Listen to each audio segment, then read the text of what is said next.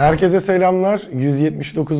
Cuma raporuyla her zaman olduğu gibi Ersin abiyle beraberiz. Nasılsın abi? Gayet iyi Aydo. Sen nasılsın? Seni sormalı. Ben de gayet iyiyim. Nasıl geçti bu hafta? Bu hafta biraz böyle hızlı mı geçti? Sana böyle geldi Bana mi? da bir öyle hissettirdi hani sanki az daha dün görüştük. pazartesi. Az görüştük o yüzden mi? Bebeğimizi az görmeyince böyle daha mı şey Yo yapıyor? aslında yine ya bir etkinlik falan filan durumları oldu ama onlar da hep böyle şeydi aslında. Ha, yine Ee, normal görüştük. aynen, aslında. Allah Allah çok garip. Ben de seni az görürsem haftam daha kolay geçer diye şey yapıyordum. Hani haftamın daha kolay geçmesini seni az görmememe, az görmeme bağlıyordum daha doğrusu. Şey olarak. Ama diyorsun ki normal görüştük. O zaman başka etkenlere bakmak lazım. Keyifler nasıl? İyi şu an. Ülkenin gündemi nasıl? Ee, zaten ilk konumuz olan şey dışında bu e, kara para aklama işte temiz Twitch olayları dışında e, pek büyük bir şey olmadı anladığım kadarıyla. Şimdi bu temiz Twitch hikayesi biz geçen hafta Cuma raporunu çektikten sonra Evet. vuku buldu. O yüzden e, tabii biz Cuma raporunu yayınladığımızda konuşuluyordu. Ama o arada vuku bulduğu için biz Cuma raporunu da atlamış olduk Aynen. temiz Twitch hikayesini. Şimdi o günden bugüne de bir yeğen gelişme oldu zaten. İstiyorsan o gelişmeleri kısaca bir senden alalım. Ondan sonra üzerine konuşuyoruz. Tamamdır. Kim ne hokkabazlık yapıyor anlatıyoruz ona. Biliyorsunuz bundan birkaç ay öncesinde yaklaşık 125 GB'lık bir veri sızdırılmıştı Twitch ile alakalı ve herkesin hatta biz bunu da konuşmuştuk kim ne kadar para kazanmış belli sürelerde ortaya saçılmış oldu. Ancak işte birçok kullanıcı bu verilerin üzerine gittiğinde e, fark edilen bir şey ortaya çıktı. Bazı yayıncılar e, absürt bir şekilde bit dediğimiz oradaki aslında Twitch üzerinden para göndermenin farklı bir haliyle çok büyük paralar kazandığı ortaya çıktı. Ve Ahmet yani e, Jahreyn olarak bilinen diğer en büyük Twitch yayıncılarından biri de e, bu olayı daha çok konuşmaya başladı. Sonrasında ortaya çıkan durumlar hatta bu şeyle başlıyor. E, normalde bir forumda e, iki tane Night Online klanının bir yaptıkları işte şeyde savaşta falan bir ortaya çıkan şeyden sonra birbirlerini suçlamalarıyla başlıyor. Sana o kadar bit geldi, basına Aynen. o kadar geldi filan diye. Sonra fark ediliyor ki bu sadece Night Online'da değil birçok yayıncı da olmuş. Gerçekten çok büyük yayıncıların da şeyleri var. Bazı yayıncılar bunu kabul etti. Ee, herkes yapıyor diye savundu. Bazıları onun farkında olmadığını söyledi gelen paraların falan. Çok farklı olaylar döndü. Ee, ve çok hatta toplamda şu anda şeye bakayım 9 milyon 883 bin dolar geldi. Neredeyse 10 milyon dolarlık şeyler olduğunu ve bu Avrupa'da Amerika'da da söz edilmeye başlandı böyle büyük bir vurgunun olduğu. Nasıl yapılıyor? Aslında e, çalıntı kredi kartlarından toplanan bit gelirleri yayıncılara deniyor ki işte ben sana şu kadar bit atacağım.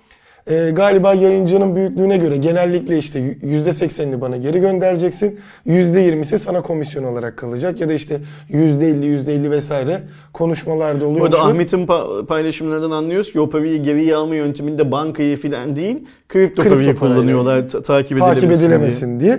Şu ana kadar da e, ortaya çıkan verilere göre 2400 Twitch yayıncısı bu işe girmiş. Bazıları büyük girmiş, bazıları küçük girmiş ama böyle bir durum oldu. Sadece Türkiye'de 2400 Twitch yayıncısı. Bu dolandırıcılığa ortak olmuş. Yani Ki bu sadece şimdi Twitch kısmı. yani. girmişlerse ki anlamıyor insanlar. Bu bir dolandırıcılık ve Evet. bu, bu dolandırıcılığın içinde bilerek ya da bilmeyerek rol almışlar. Evet. Yani oradan bir gelir elde edilmiş. Şimdi bilmeyerek nasıl gelir, yer alınıyor onu zaten konuşuyoruz da. Yani ama şey değil yani hani e, 2400 kişi 2400 tane yayıncı yani yayıncıyı şöyle tarif etmek lazım. Bu insanlar bir kişinin de bir milyon kişinin de önünde olsalar sonuçta toplumun örnek alacağını varsaydığımız insanlar ya hangi anlamda örnek alacak? İşte ahlaki değerler anlamında da örnek alacaklar. 2400 tane Twitch yayıncısı bu dolandırıcılığı kabul etmiş yani. Bir parçası olmuşlar bu dolandırıcılığın. Sonuçta hani açık açık söyleniyor. Bazıları ben bilmiyordum çalıntı kredi kartı olduğunu diyor. Bazıları yani sana durduk yere bir insan niye öyle bir şey yapsın? Ben, İşte ben Amerika'daki falan bilmiyordum filan. kredi kartının çalıntı olduğunu diyene sen onu benim külahıma anlat diyeceksin.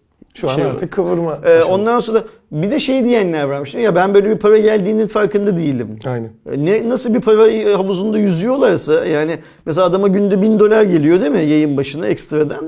Adam bunu fark etmediğini söylüyor. Ki hani e, çoğu şeylere bakıldığında işte bazı Twitter sayfaları türedi hemen hani çıkan verilerde kim ne kadar kazanmış falan diye.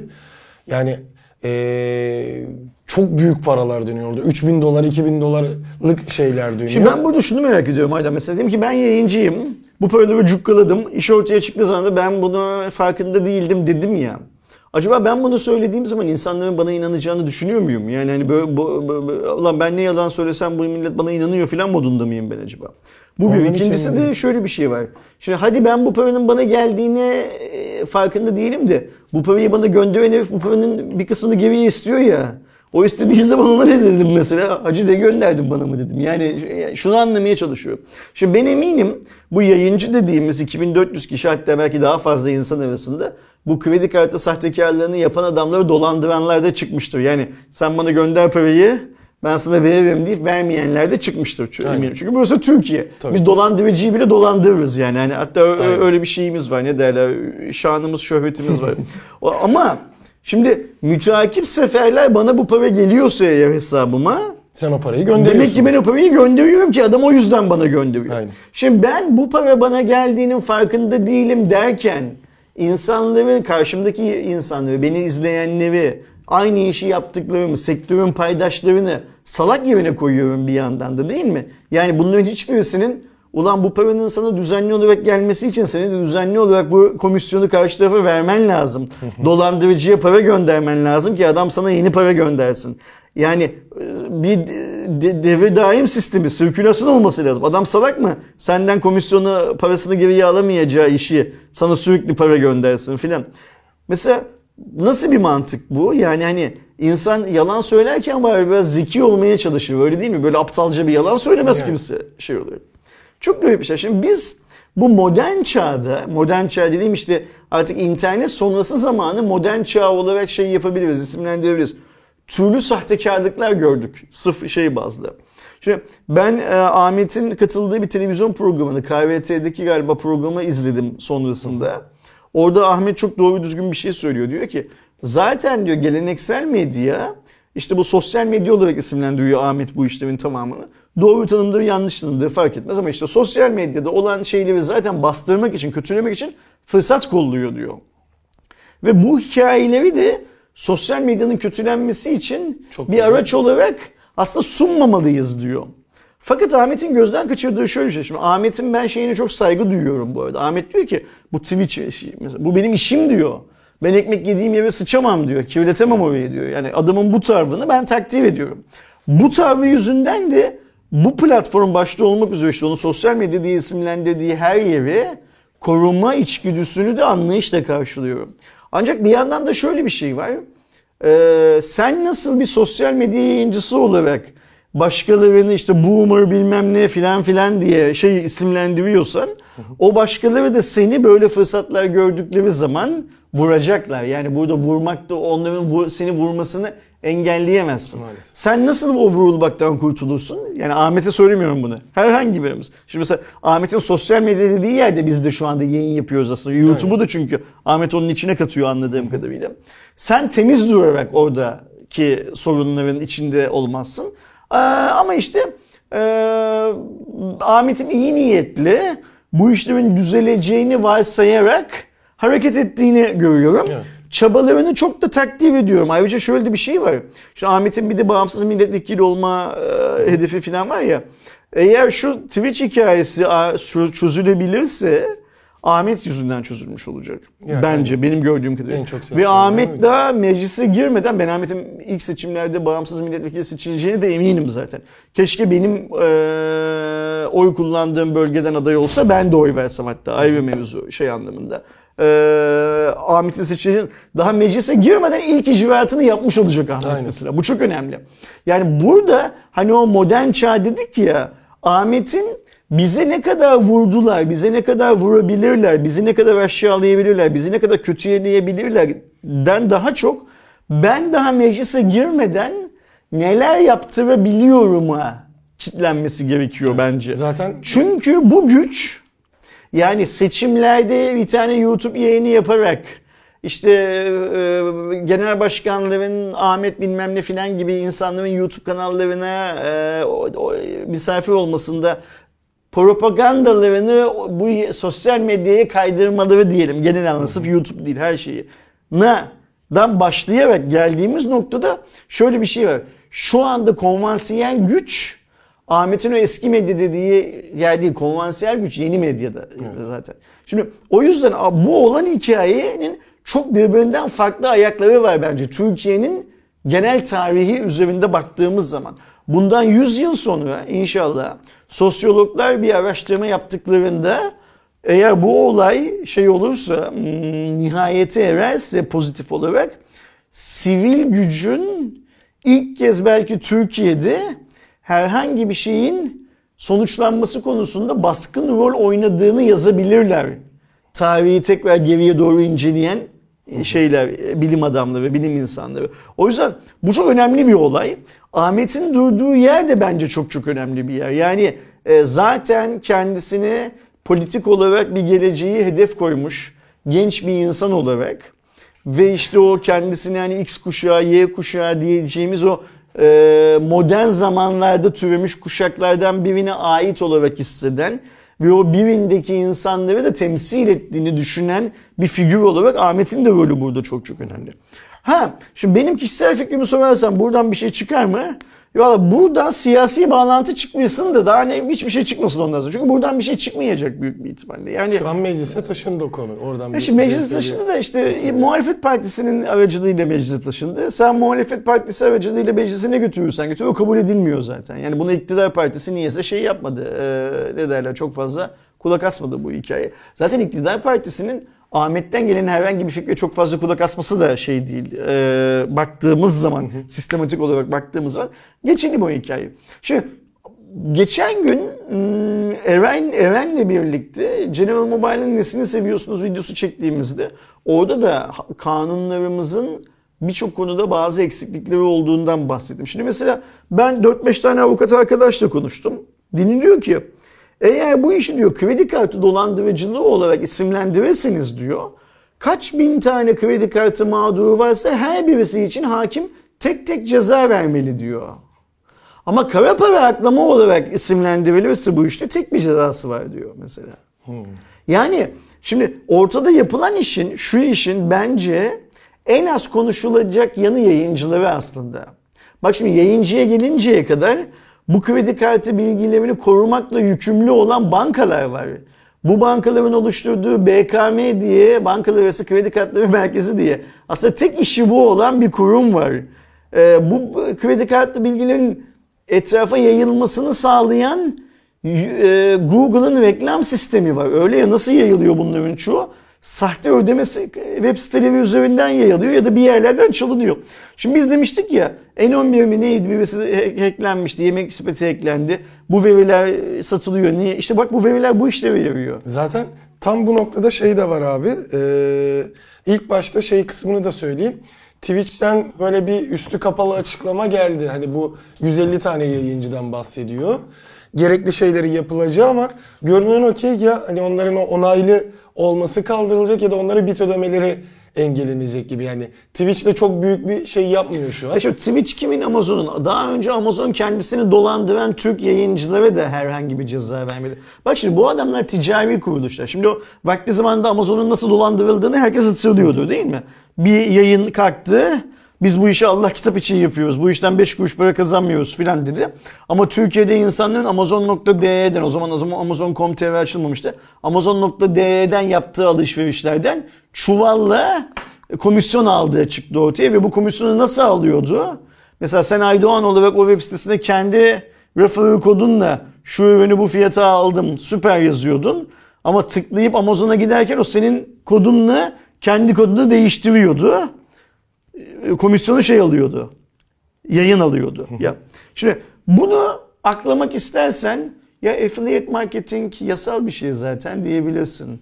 Hatta salağın teki çıkar der ki ya bugün WordPress'te bir seks sitesi yaparsan bundan WordPress mi sorumlu sen mi sorumlusun filan diyebilir. Ama Amazon, Twitch, Google filan gibi kurumlar paranın düzenli olarak akması yönünde aksiyon alırlar. Yani Amazon'un şu an Türkiye'de olan bu Twitch hikayesi umunda değil. Ne zaman umunda olabilir biliyor musun?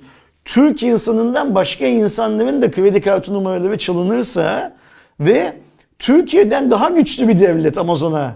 Bak senin ağzına derse o zaman ancak Amazon bunu kendine soyunur. Çünkü Amazon'un derdi şu.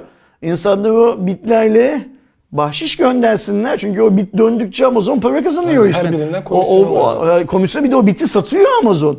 Yani olmayan bir şeyi bir kod diziniyle Amazon üretip satıyor insanlara. Sen de o biti alıyorsun başka insanlara veriyorsun değer olarak. Bu döngü sırasında senin bunu satın alman, göndermen, alanın başkasına göndermesi ya da nakde çevirmesi süreçlerin tamamında Amazon para kazanıyor. Her bir 10 seferinde milyon dolardan bahsediyorsak onun en az 1-2 milyonu aynen öyle. Amazon'a gidiyor. Bu sürecin adımların her bir adımında Amazon'un kazancı artıyor. O yüzden Amazon niye bunu engellesin ki? Amazon bunu Amazon bunu görmezden gelir. Amazon bunu yapanları da cezalandırır. Bak daha önce de kendisini dolandıran yayıncıları da cezalandırmadı. Cezalandırmaz. Çünkü orada neydi durum? Ama şimdi kendini Amazon'un yerine koy. Aydoğan bütün Türkiye'yi dolandırmış. Ama Aydoğan gün sonunda baktığımız zaman da 10 bin tane ürün satmış. Ben 10 bin tane ürün satan adamı, benim işim ürün satmak zaten. Niye cezalandırayım ki? Bu kredi kartı yolsuzluğuna gelelim. Aydoğan denilen kitapsız aşağılık Twitch yayıncısı tek başına 9 milyon dolarlık işlem yapmış, dolandırmış diyelim ki. Ulan bu 9 milyon dolardan ben para kazandım. Yani Amazon olarak. Aydoğan bana para kazandırmış. Aynen. Aydoğan benim bir şekilde hani o partner in crime muhabbeti var ya suç ortağım yani iş ortağım benim aslında Aydoğan. Şimdi biz bekliyoruz ki Twitch etik davransın. Hadi yani gidin ne etiği Twitch etik filan davranmayacak. Twitch filan gibi kurumlar bu tarz dolandırıcılıklara bilerek göz yumarlar. Ne zamana kadar? Dünyada kara para aklama konusunda faaliyet gösteren büyük kuruluşlar, NATO, Amerika, İngiltere filan gibi ülkeler senin ağzına diye başladıkları ana kadar şey yaparlar, eee, göz yumarlar buna. Şimdi gördüğümüz örnekte Türk kullanıcıların kredi kartı bilgileri gitmiş. Aman bana ne. Şimdi birçok arkadaşımız bilmiyordu. Ben geçmişte e, yayıncılık e, hayatımın ilk dönemlerinde kısa süreli bankacılık da yaptım. Yani bankacılık işte 1992 yılında bir bankanın call center'ında çalıştım. Sonra 2000 yılında çok kısa bir süre bir bankanın kurduğu bir yayıncılık şirketinde yönetici olarak çalıştım. Bir, bir yıl kadar falan. Banka camiasında da tanıdığım insanlar vardır. Nitekim mesela benim o call center'ında çalıştığım bankanın bizim şefimiz olan abimiz şu anda Türkiye'nin en büyük bankalarından bir tanesinin CEO'su mesela. Yani insanlar açıp baksınlar son 10 yılda hangi Türk bankacı yükseldi. İşte o abimiz şey yani yan yana masalarda oturup abi şunu nasıl yapacağım bilmem ne diye sorduğumuz bizden 2-3 yaş büyük.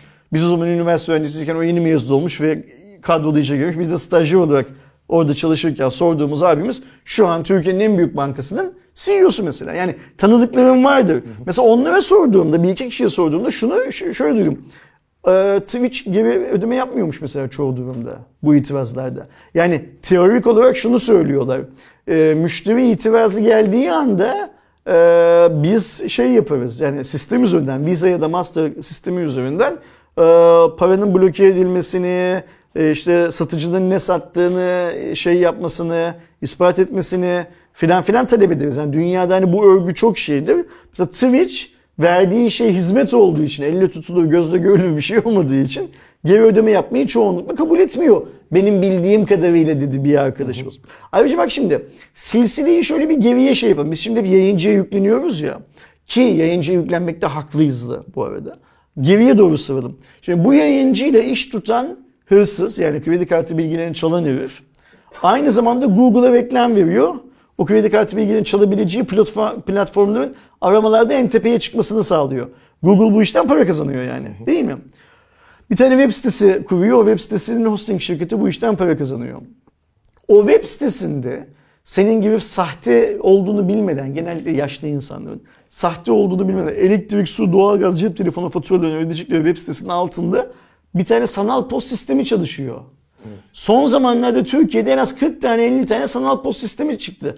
Bunların bir kısmı bankaların yan kuruluşları, bir kısmı da işte fintech dediğimiz e, elektronik para sistemleriyle gelen şirketlerin yine BBDK'dan lisans alarak kurdukları yasal operasyonlar. Şimdi mesela bu operasyonların bu işte hiç suçu yok mu? Yani. Yani ben mesela atıyorum Ersin Finans'ım. Aydoğan geldi bana dedi ki ben dedi web sitemden dedi çorap satacağım dedi. Ya da kullanılmış kız kadın iç çamaşırı satacağım dedi. Şey kuracağız dedi. Bu altyapı sistemi. Ben ürünü, malı, hizmeti filan görmeden bu adama al kardeşim benim servisimi kullan diyorsam eğer. Burada benim bu dolandırıcılıkla benim hiç suçum yok mu? Bu dolandırıcılıkla Google'ın hiç suçu yok mu? Bu yapılan tüm dolandırıcılık. Bu dolandırıcılıkla bankaların hiç suçu yok mu? İş 9 milyon 883 bin dolara gelinceye kadar. Arkadaşlar biz ne yapıyoruz? Kim bizi kazıklıyor böyle? Yani bizi dediğim bizi ve mudilerimizi kredi kartı sahiplerimiz falan. Hiçbirisi bunlar düşünülmedi, konuşulmadı. Bak şimdi burada Ahmet'ten önce bankacılık sisteminin kazan kaldırması gerekiyordu.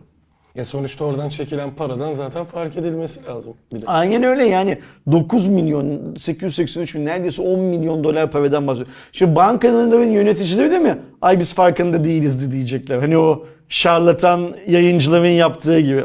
Şimdi bak Türkiye'de her şeyin sahtesini yapmak çok kolay.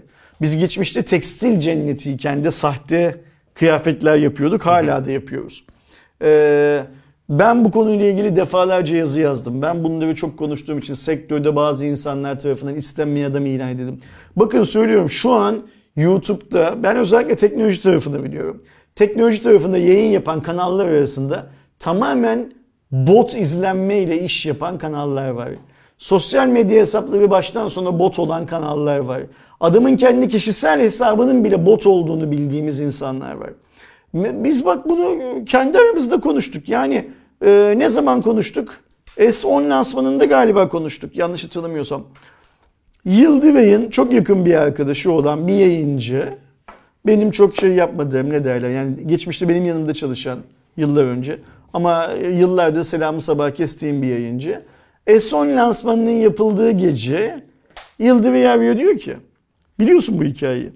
Abi diyor sizin izlenmeniz şu anda mesela diyor işte hands on videonuz şu anda 10 binde diyor. Benimki diyor 6 binde. Birininki de mesela Aydoğan'ınki de olsun. Aydoğan'ınki de 12 binde.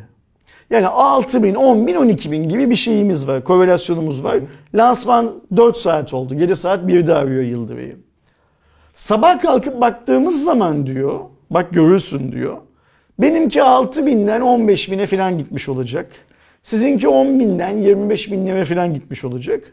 Bu işte 12 bin 15 bin civarında onun arkadaşı 100 bine gitmiş olacak diyor. Yıldıraycı diyor ki ee diyor anlamadım. Abi bu herif, bu herif bot kullanıyor. O yüzden işte ben Türkiye'nin en çok izleneniyim bilmem neyim filan diyor diyor. Yıldıray tamam kardeşim eyvallah sabah tekrar haberleşiyoruz diyor. Yatıyorlar uyuyorlar. Yıldıray sabah kalkar kalkmaz gerçekten bu üç kanalın izlenmelerinin ne olduğuna bakıyor. Bir bakıyor herifin gece söylediği şey doğru. Bütün Türkiye yememiş içmemiş gece saat 1'den sabah saat 8'e kadar o adamın gitmiş. İşte Ahmet de öyle söylüyor ya. Nasıl lan diyor yani bu paralar bağışlanmış. Bütün Türkiye geldi senin yayınını mı izledi diyor ya yani şey. Burada da YouTube'da da bütün Türkiye yememiş içmemiş gitmiş o herifin videosunu izlemiş sabaha kadar. İnsanlar yataklarından kalkmışlar.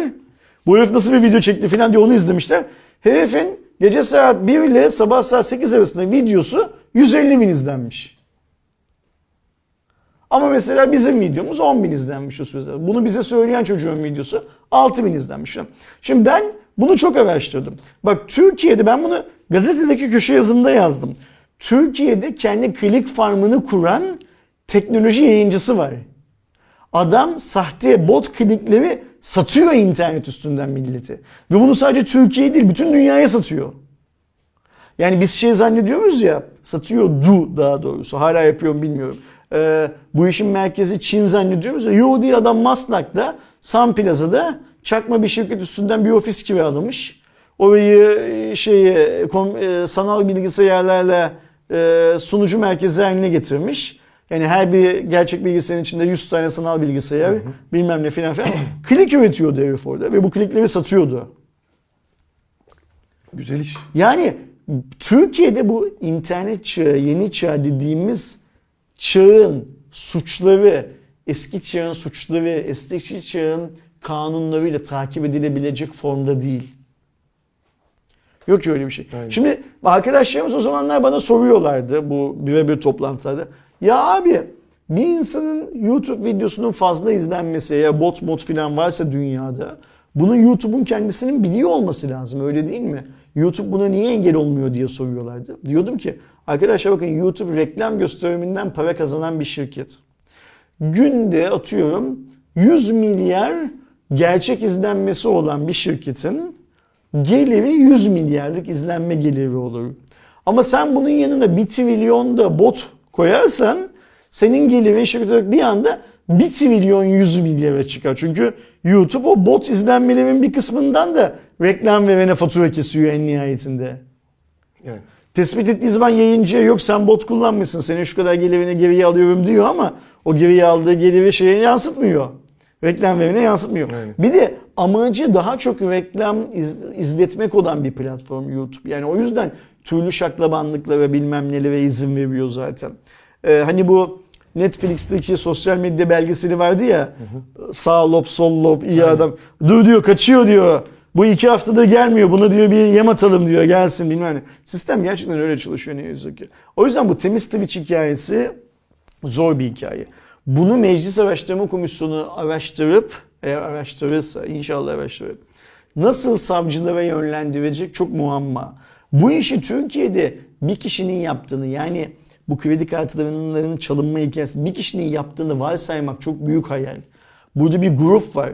Bu adamlar bundan yıllar önce kontür dolandırıcılığı yaptılar büyük bir ihtimalle. Ee, okulda, ilkokulda arkadaşlarının MSN'lerini çaldılar bir şekilde. Şimdi şu anda insanların o Instagram hesaplarını çalıp hani çok para kazandım Evet, bilmem ne filan hikayelerini yapanlar da bunların klanından zaten. Bunun amcaoğlu, yeğeni yanında çalışan adam bilmem ne filan filan. İşte bu suçlar için bu suçlardan anlayabilecek emniyet görevlilerinin yani polislerin yani suçun zaptını yazabilecek, araştırabilecek polislerin, bu suçun ne olduğunu anlatabilecek avukatların, bu suçun ne olduğunu anlayabilecek hakimlerin olması gerekiyor.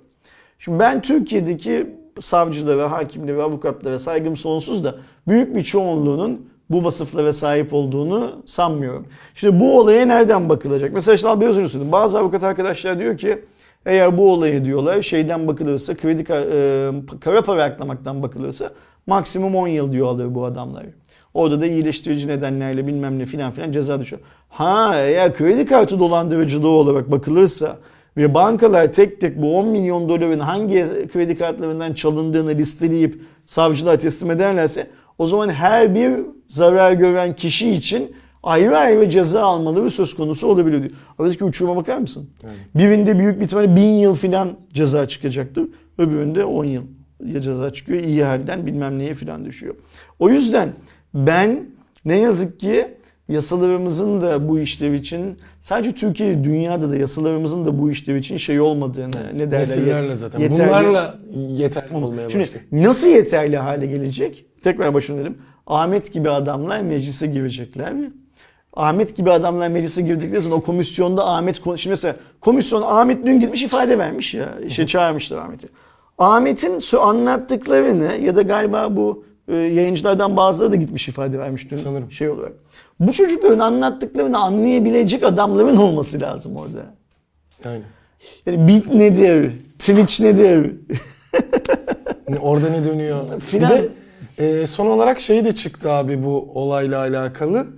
E, işte bir diğer büyük yayıncılardan biri olan Pelin, P Queen olarak bilinen yayında tabii bu şeyi eleştiriyordu. Zaten hani herhangi bir şekilde de buna karışmadığı ortada eleştirirken e, ona yayında bit atılıp işte TC kimlik numarası, Aynen öyle. adresi, açık adresi gibi bilgilerin ne? Evinin adresine kadar Aynen her şey ortaya dökülmüş. Bu da tekrar şeyi çıkarttı. Zamanında artık o E-Devlet'tekinden mi, yemek sepeti şeylerinden mi, sızısından mı o belli değil ama internette çok rahat bulunabilir İşte şimdi halde Pelin'i eee, kapat bu konuyu konuşma diyorlar. Mesela ben dün Pelin'in şeyini de okudum. Kızcağız haklı diyor ki ya diyor kapımı birisi dayanırsa diyor. Aynen. Yani şimdi 10 milyon dolarlık işçi vermiş adamların ulaşabilirlerse kendileriyle ilgili bir şeyler söyleyen Pelin'e zarar verme ihtimalleri yok mu? Var Evet. tabii ki. Hatta Ahmet'e, hatta sana, hatta bana herkese 10 milyon dolardan bahsediyoruz. 10 milyon dolarlık işlev için o bizim şimdi e, tweetlerini falan çok şeyle ne derler merakla beklediğimiz mafya babaları bile e, bugüne kadar adam öldürdüler, mekan bastılar. E, neydi? E, çöktüler bazı yerlere. Buralar bizim dediler. 10 milyon dolar o kadar büyük bir para aslında toplamda. El ele günümüzde çok daha Aynen öyle.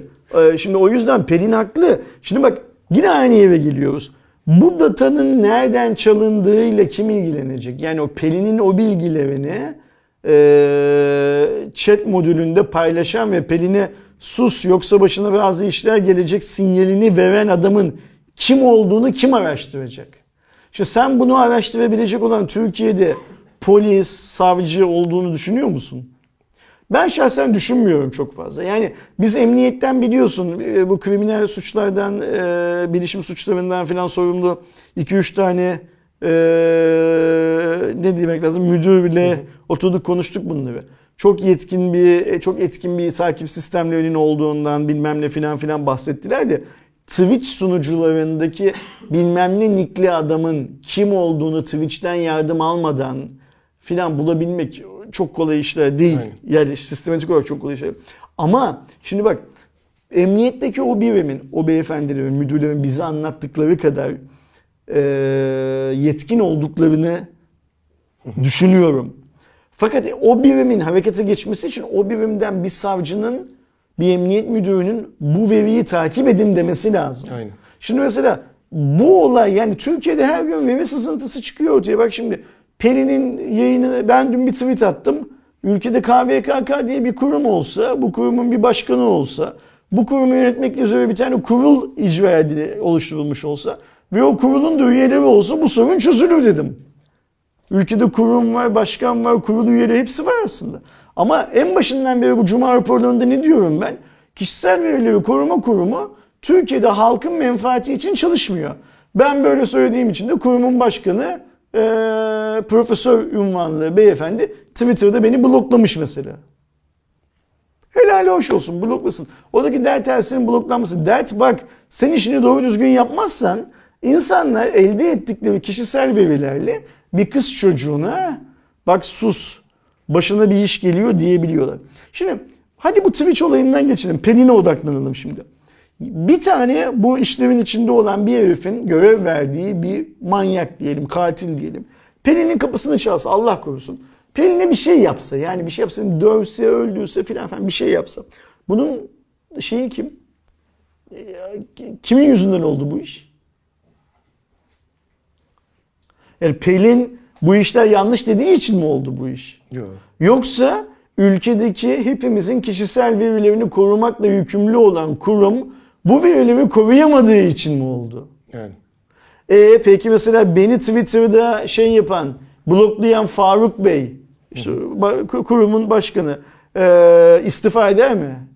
Ya da mesela istifa edecek olsa şimdiye kadar o koltukta oturur muydu? Yani N11'de veriler çalındı, BTC Türk verileri çaldırdı, e, yemek sepeti sepetinde verileri oldu. çaldırdı bilmem ne filan filan. Başkan hala, aynı, hala aynı başkan. Hala vatandaşın bu adamlar benim verimi nereden buldular, benimle nasıl kontak kuruyorlar diye KVKK'ya sorabilme hakkı yok Türkiye'de. İlk önce vatandaşın verisini bulan adama gitmesi gerekiyor. Sen benim verimi nereden buldun diye sana sormam gerekiyor ilk önce. E şu an mesela şey küçük örneği de vardı. Benim iki hafta önce mi yaşadım. Yine aynı mesajlar gelmeye başladı. E, Trendyol'da birisi büyük ihtimalle işte yanlışlıkla. yanlışlıkla büyük ihtimalle benim numaramı eklemiş kendi şeyini ve bütün siparişleri bana şey SMS olarak geliyor. Hani sipariş gelmiyor ama sürekli geliyor. E, ben bunu Trendyol desteğe yazdığımda da e, şey yapmayınız hani. E, görmezden geliniz diye bir cevap geliyor bana. O dönemde bir azaldı yine. Niye başladı. görmezden geliyorsun? Çünkü yapabileceği bir şey yok Trendyol'un. Trendyol şimdi doğal olarak şöyle düşünüyor. Biz diyor adamın beyan ettiği verinin doğru olduğunu varsayıyoruz diyor. Yani hani bu web sitelerindeki KVKK sözleşmelerini okudum, hiç okumadığımız, tıkladığımızda oraya girip bakıyorsun. Ben adamın Ersin Akman olduğunu beyan ettiğim zaman adam bunun gerçek olduğunu şey yapmak zorunda, al- almak zorunda. Şimdi herifin teki muhtemelen yanlışlıkla senin cep telefonuna girdi. Bunun farkında bile değil. Hatta belki o da senin yazdığın desteğe diyor ki ya bana hiç SMS falan gelmiyor diyor. Belki de evet. Bilgilendirme gelmiyor diyor. Ama işte sistem başından öyle bir bozuk kuruldu ki ülkede düzeltilemiyor ne yazık ki. Ve Ee, işte Twitch'ten geldik KVKK'ya. Bankalar kendi görevlerini doğru düzgün yapmadıkları için KVKK'da bu verilerin böyle ayağa düşmesini şey yapamıyor. Hatırlıyor musun? Şunu söylüyorduk. İşte bilmem nereden veri çalınmış sadece adımız ve soyadımız var. Başka bir yerden veri çalınmış sadece adresimiz ve o sitedeki nickimiz var filan. Bunlar tek başına bir şey ifade etmiyor. Ama genel olarak Ama Big Data diye bir şey var. Yani hırsız bu verilerin tamamını eline alıp bu verileri birbirleriyle işkillendirdiği zaman şunu biliyor. Ersin Akman yemek sepeti üyesi, ev adresi, iş adresi, annesinin evi. Çünkü yazmış oraya annem, ev, iş. Değil mi? Annesinin evi, kendi evi, iş adresi. Başka bir siteden cep telefonu, e-mail adresi. Genellikle kullandığı kullanıcı adı. Aynen. Orada, şurada, burada, diğerlerinde ya da 3 tane, 5 tane kullanıcı adı. Pardon? Üye oldu. En çok ne yedi, ne sıçtı, ne aldı, ne yaptı. Sonra kullandığı şifreler. Öyle ya. Yemek sepetinde 1, 2, 3, 4, 5 kullanmış. Orada 6, 7, 8, 9, 10 kullanmış. Ya da hepsinde 1 2 3 4 5 kullanıyorsa diğerlerinde de Aynen budur. öyle. Burada tamam Gmail bilgisi yok ama bizi girelim ersinakman.gmail.com'a deneyelim bakalım. Orada da 1, 2, 3, 4, 5 mi var? Aa bingo orada da o varmış. Ne Hadi güzel. bakalım. Aa, bu adamın nesini hesabı falan da vardı. Gol neydi o bu bahis hikayeleri? Milyoner falan. Milyoner falan. Bir de onları deneyelim. Oh çok güzel. Süper bunlar da varmış filan. İşte arkadaşlar Big Data böyle yani Big Data'yı işleyen kötü niyetli adamlar böyle işliyorlar. O yüzden sizin en ufak bilginiz bile çok değerli. Yani şey diyoruz ya ya benim verim çalınsın ne olacak? İşte bak bu oluyor. E benimki oluyor en sonunda. Yani e, Google her şeyi biliyor ne olacak? İki gün sonra Google'u da ekledikleri zaman bu olacak olanlar bunlar işte. Bunlar olacak. Yani sadece cep telefonuna SMS gelmesiyle, sadece e-mail adresinde spam gelmesiyle geçiştirilecek olaylar değil bunlar. Şimdi bak bu 10 milyon doların e, çalındığı kredi kartlarının bir kısmının hiç e, son bir yıldır, bir buçuk yıldır kullanılmayan kredi kartları olduğu söyleniyor. Yani nasıl kullanılmıyor biliyor musun? Bak şöyle. Amcamız işte gitmiş hani bu emekli maaşlarını bir başka bankaya aktarıyorsun da özel banka yolsuna prim olarak bir cumhuriyet altına bilmem ne falan veriyor ya oraya. Aydoğan diye temiz yüzlü bir tane çocukla memurla tanışmış. Ben demiş emekli maaşımı sizden alsam Aydoğan evladım bana ne verirsiniz? Amca da bir çeyrek altın veriyoruz. Amca o ne güzel deyip almış çeyrek altına. Maaş orada. Gel zaman git zaman bankaya Aydoğan demiş ki amcaya. Amcası da bir kredi kartı. Çünkü Aydoğan'ın da görevi kredi kartı satmak. Aynen. Aydoğan'a da şirket diyor ki bu ay diyor 100 tane kredi kartı satacaksın. İçinde de 50 lira bonus koy. Heh, aynen öyle. Amca diyor ki evladım ben diyor 80 yaşındayım. Benim bugüne kadar bir ihtiyacım olmadı kredi kartında. Bundan sonra ne diyeyim? Ya amcacım diyor işte bak böyle sağda solda para taşıyacağını maazallah çarparlar bilmem ne yaparlar filan. Kredi kartında markete ödeyeceksin bilmem ne elektrik faturanı onunla öde filan. Amcanın kafasına yatıyor alıyor kredi kartını. Golü yiyor kredi kartını aldığı gün. Şu amcanın kredi kartından e, Twitch'ten para harcama yapılmış. Amca bir ekstra geliyor. Amcanın maaşı 1000 1500 lira gelmiş ekstra 5000 lira. Gidiyor Aydoğan'a. Amca tamam biz bunu araştıralım. Aydoğan'a yapacak bir şey yok zaten. Biz bunu araştıralım falan. Amca kartı kullanmıyor. Bırakıyor kenara. Ama Aydoğan amcaya amca senin bu kartı iptal edelim de demiyor zaten. Kart orada duruyor öyle. Amca öldü. Kartın son kullanma tarihi 10 yıl. Amcanın bankada filan bir para da yoktu zaten çok fazla öyle hani şeyin e, ve, ve, e, mirasçının bankaya gidip bizim baba öldü dede öldü ve onun parasını deme ihtimali filan da yok. Ya da amca ölmedi. Kart orada duruyor aktif. Herif e, Twitch'e 100 dolar 100 dolar çekmeye devam ediyor. Aynen. Amcanın borcu 3 bin lirayken bir anda limit 10 bin lira. Hop 10 bin liraya dayanıyor amcanın borcu. Yani sistem baştan sona her anlamda şey yapıyor artık. Modern dünyanın gereklerini şey yapamıyor, karşılayamıyor. Bizim aslında bu Twitch'teki e, olaydan yola çıkarak sistemi düşünmemiz gerekiyor. Tıpkı sadece İzmir'de olan depreme çok üzülmekle bu işin olmadığı, söz konusu Büyük İstanbul depremi olduğu zaman nice canların feda edileceğini bilmemiz ve herhangi bir şey yapmamamız gibi. Tıpkı trafik terörünün önünü almamız gerekiyor deyip bir türlü alamamamız gibi filan filan bu tıpkılar tıpkılar tıpkılar tıpkılar. O yüzden Twitch'te de e, bakalım ne çıkacak. Ben açıkça söylemek gerekiyorsa hiçbir şey çıkmayacağını düşünüyorum. E, buradan çıksa çıksa daha güçlü bir bağımsız milletvekili olarak Ahmet çıkacak. Yani bu vesileyle de Ahmet'i daha fazla insan, Ahmet'in izleyicisi olmayan, Ahmet'i tanımayan, yani Jahreyn kimdir diye bilmeyen insanlar da Ahmet'i bilecekler ve daha güçlü bir Ahmet çıkacak.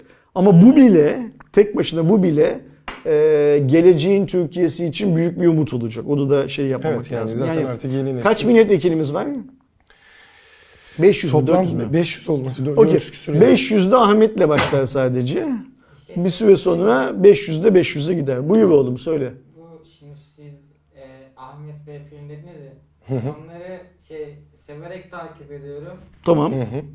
Şey ama Ahmet'te şöyle bir olay var. Buraya geldi ya hani burada bir tane yayın yaptınız ya. O Doğru. zaman ofiste yok.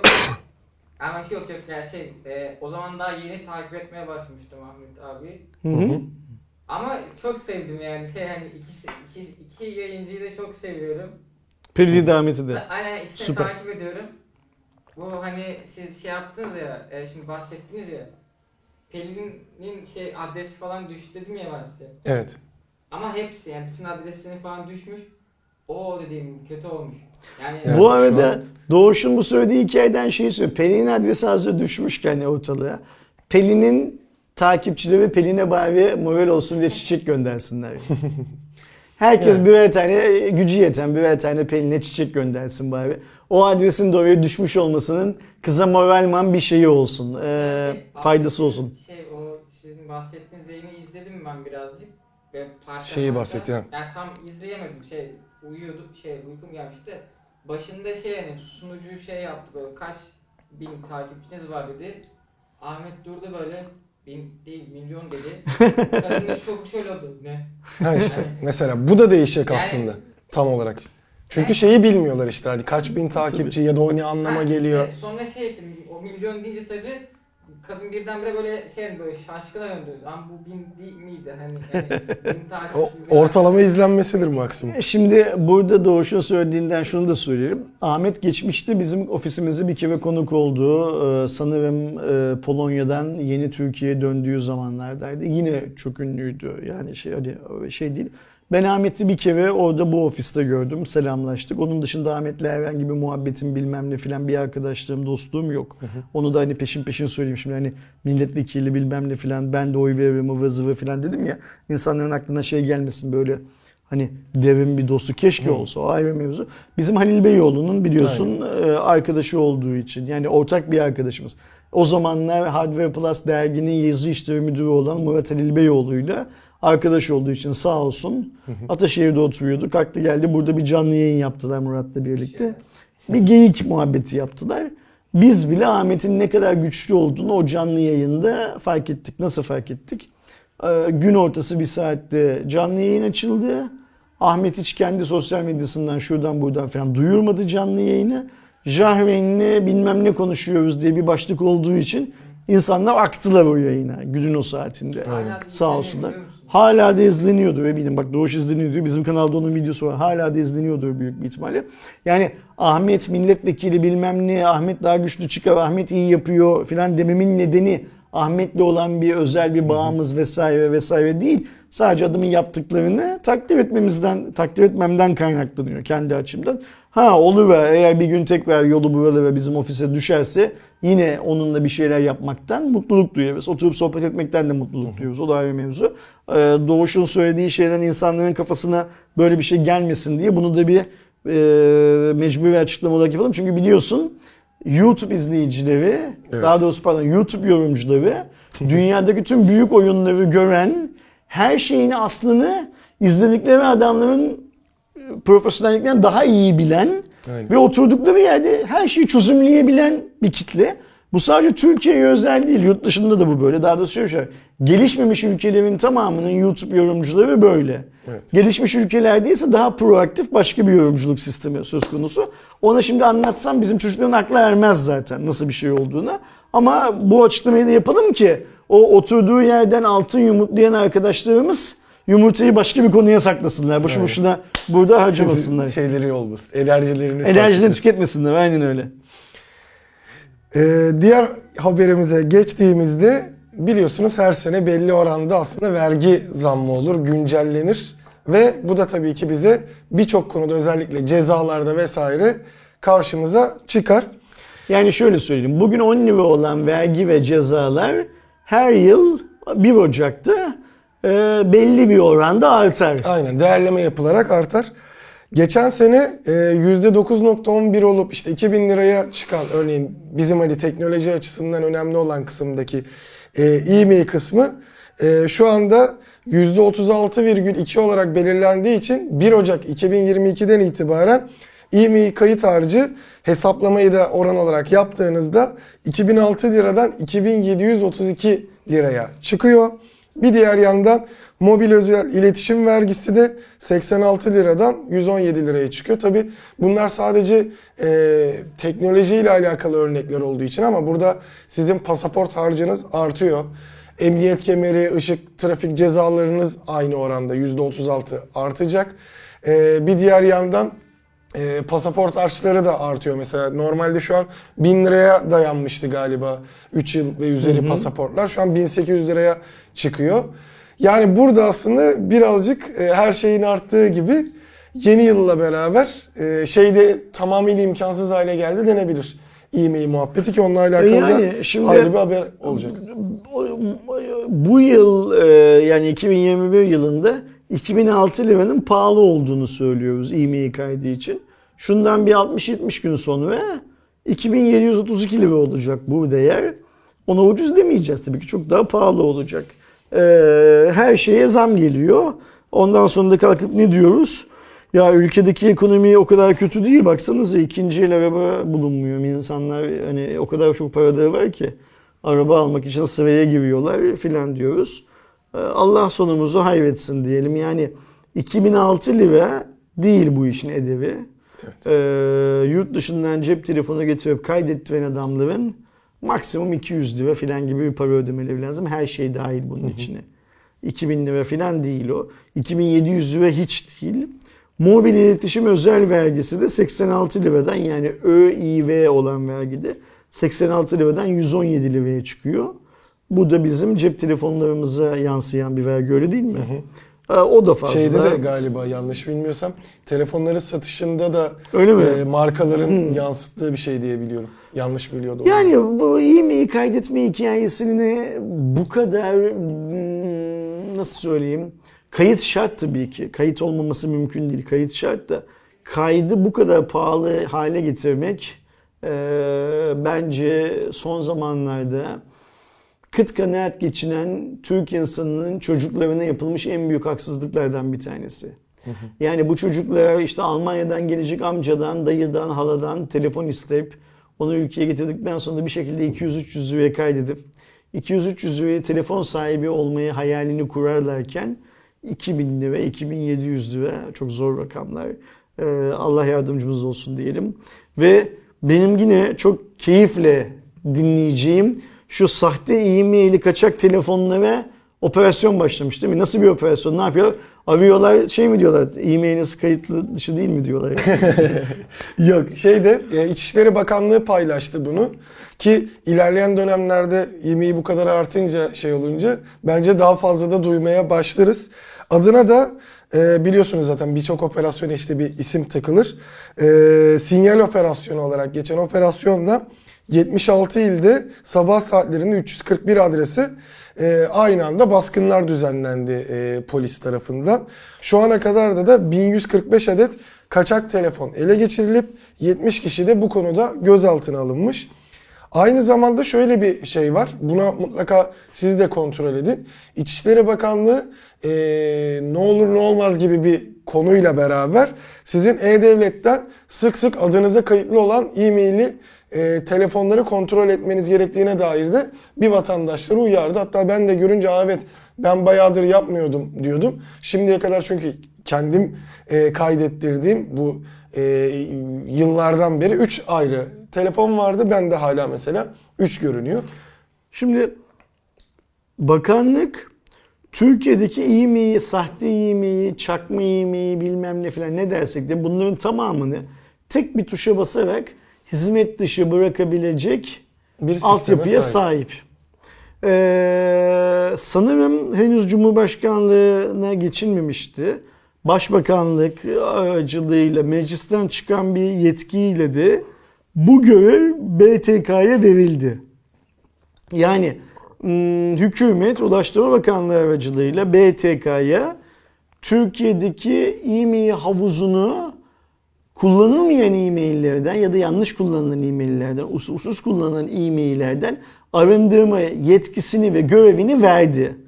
4 yıl ya da 5 yıl önce verdi bu yetkiyi. Şimdi burada yapılması gereken şey neydi? Yani yasa gereği ne yapılması gerekiyordu? Bu e-maillerin tamamının tek bir tuşa basarak Türkiye'de kullanılamaz hale getirilmesi yapılmalıydı.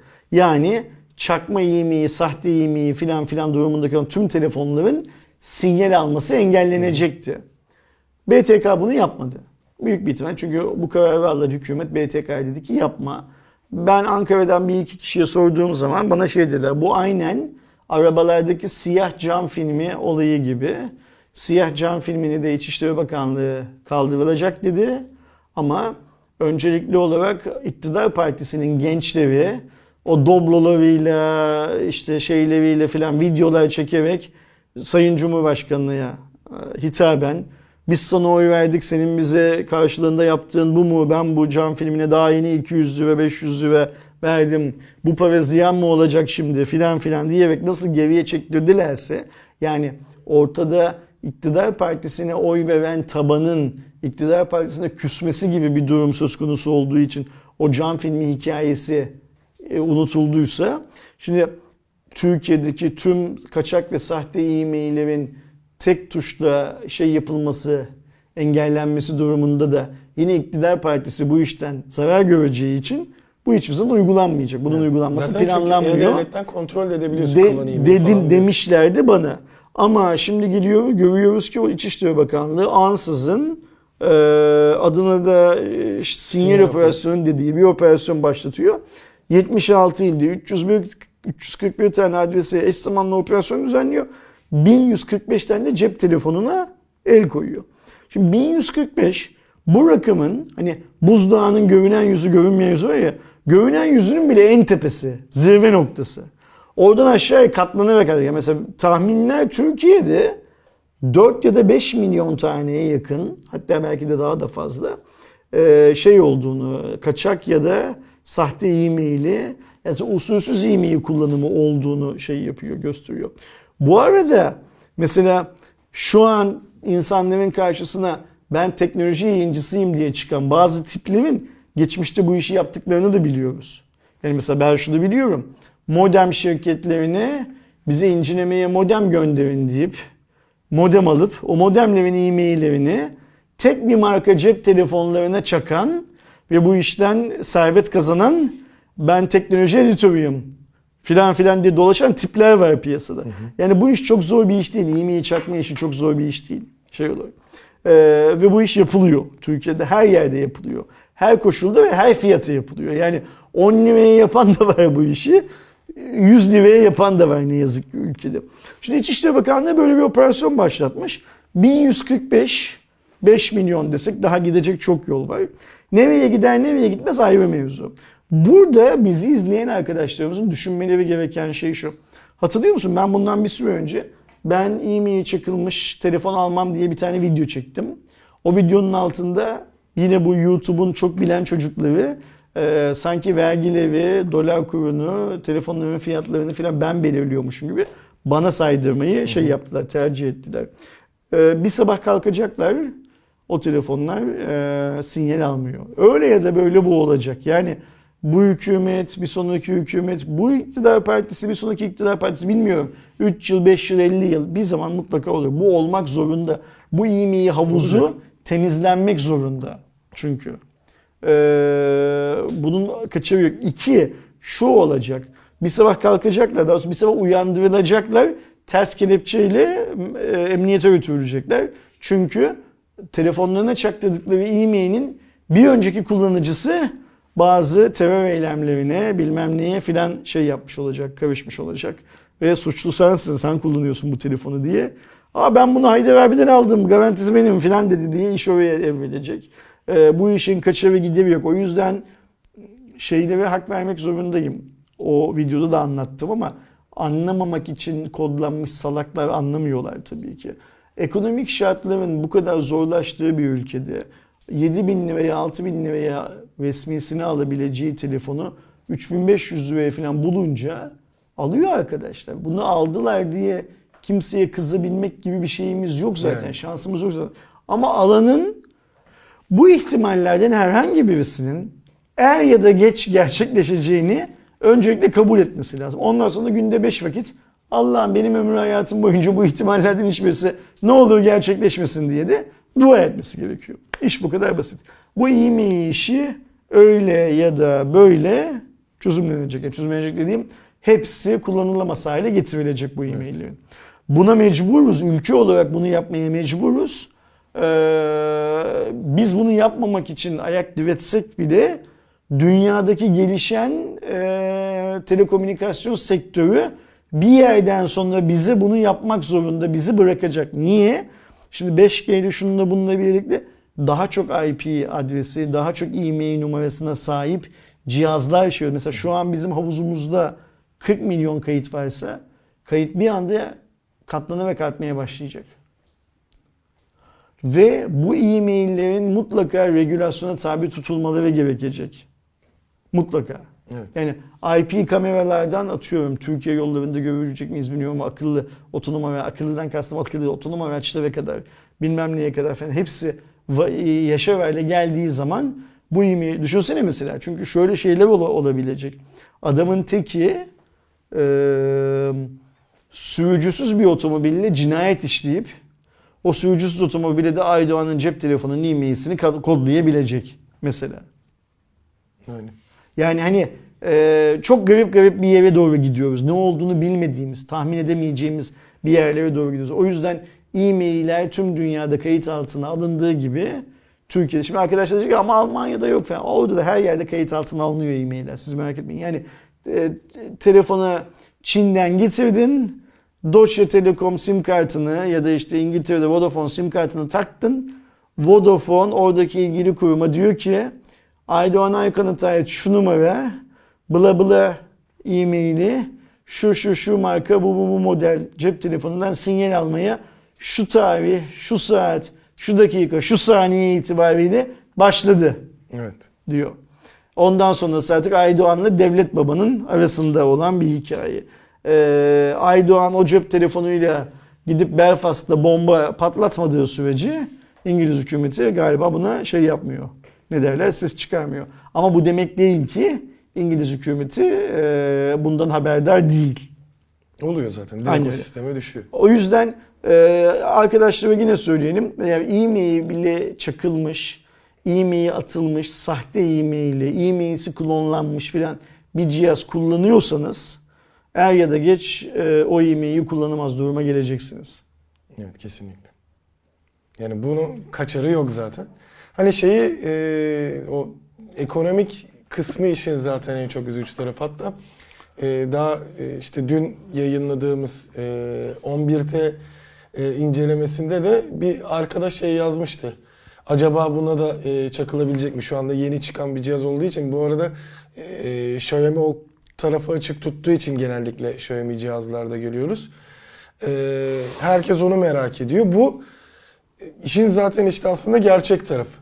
Çünkü yani insanlar tabii ki zevkine şey yapmıyor ya da e, işte e-mail kayıt harcı bu kadar yükseldikten sonra e, Türkiye'deki dolar kurundan işte vergilendirmeden telefonların fiyatları abuk sabuk seviyelere çıktığında yani e, belli bir seviye sonra inmesi gereken telefon fiyatının değişmediği hatta aksine arttığını gördükçe tabii ki adamlar da e, cebindeki zaten ayırdığı parayla doğru düzgün bir şey yapamayacağı telefon almak yerine o şey alabileceği, o fiyatı alabileceği e, ama işini çok daha rahat görebileceği ya da olması gereken fiyattan e-mail çakılmış telefon oluyor ya da o şekilde bir yol seziyor. Aydoğan bu şöyle bir şey.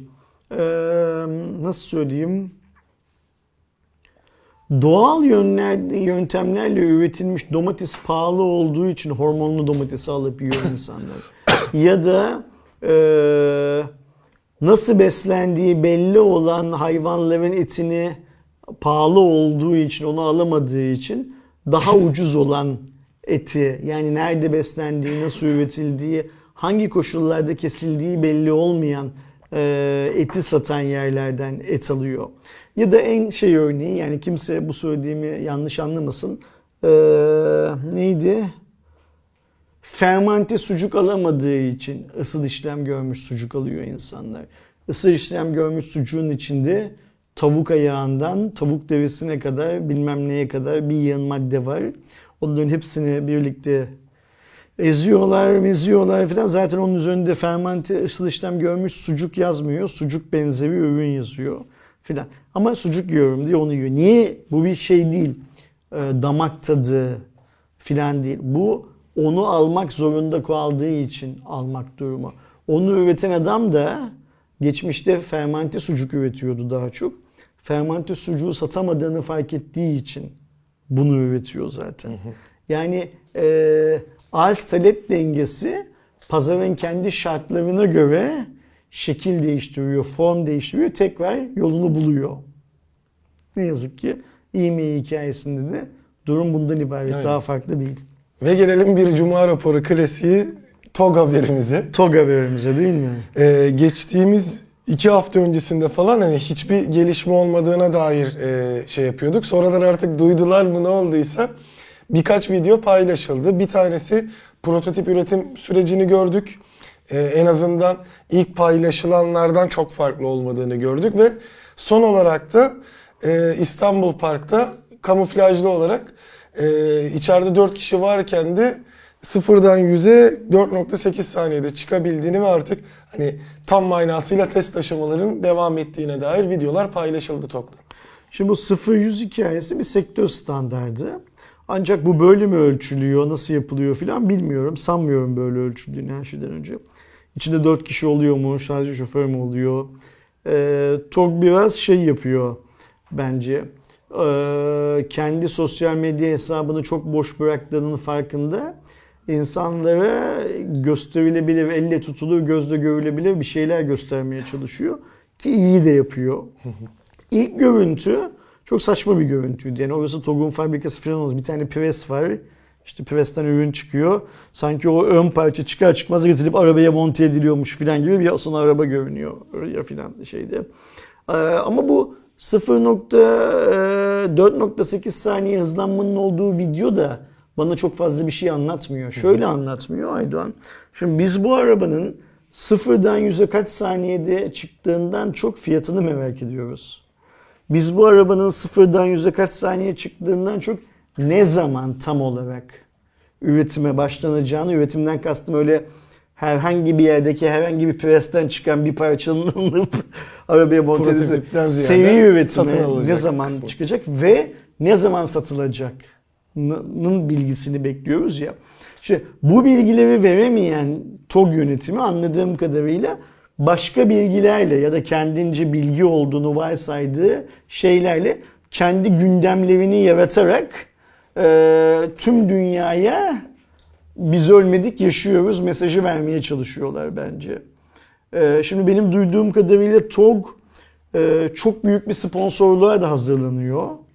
E, ne yazık ki ne sponsorluğu olduğunu biliyorum ama söylemem mümkün değil şey olarak. E, sanırım anlaşılmış filan da yani bir hafta iki hafta içinde filan e, şey yapılacaktı. Ve bu sponsorlukla TOG markasının dünyada e, görmeyeninin, bilmeyeninin yani dünyanın mesleki olarak bir formunda görmeyeninin, bilmeyenin, duymayanın olmaması amaçlanıyor. Şimdi ben bu videoların tamamını da o sponsorluk öncesi TOG'u duyan insanların ya bu TOG neymiş diye baktıklarında 3 aydır 5 aydır doğru düzgün hiçbir şey paylaşmayan sosyal medya hesapları yerine son bir iki haftada düzenli olarak bir şeyler paylaşan sosyal medya hesaplarını görsünler diye üretildiğini şey yapıyorum, Evet. düşünüyorum. Bu benim fikrim. Şey diyebilirsin dersin sen de ne kötü niyetli adamsın böyle Yok. her şeye şeyden Şey, mantıklı. e, Sonuçta- puştluk tarafından bakıyorsun bilmem ne filan filan diyebilirsin Yok, ama ben öyle olduğunu varsayıyorum. Şimdi burada bir şeyler var kafama takılan. Şimdi eee TOG bizim için çok önemli bir şey proje. Bizim için değil mi? Türkler için çok önemli bir proje.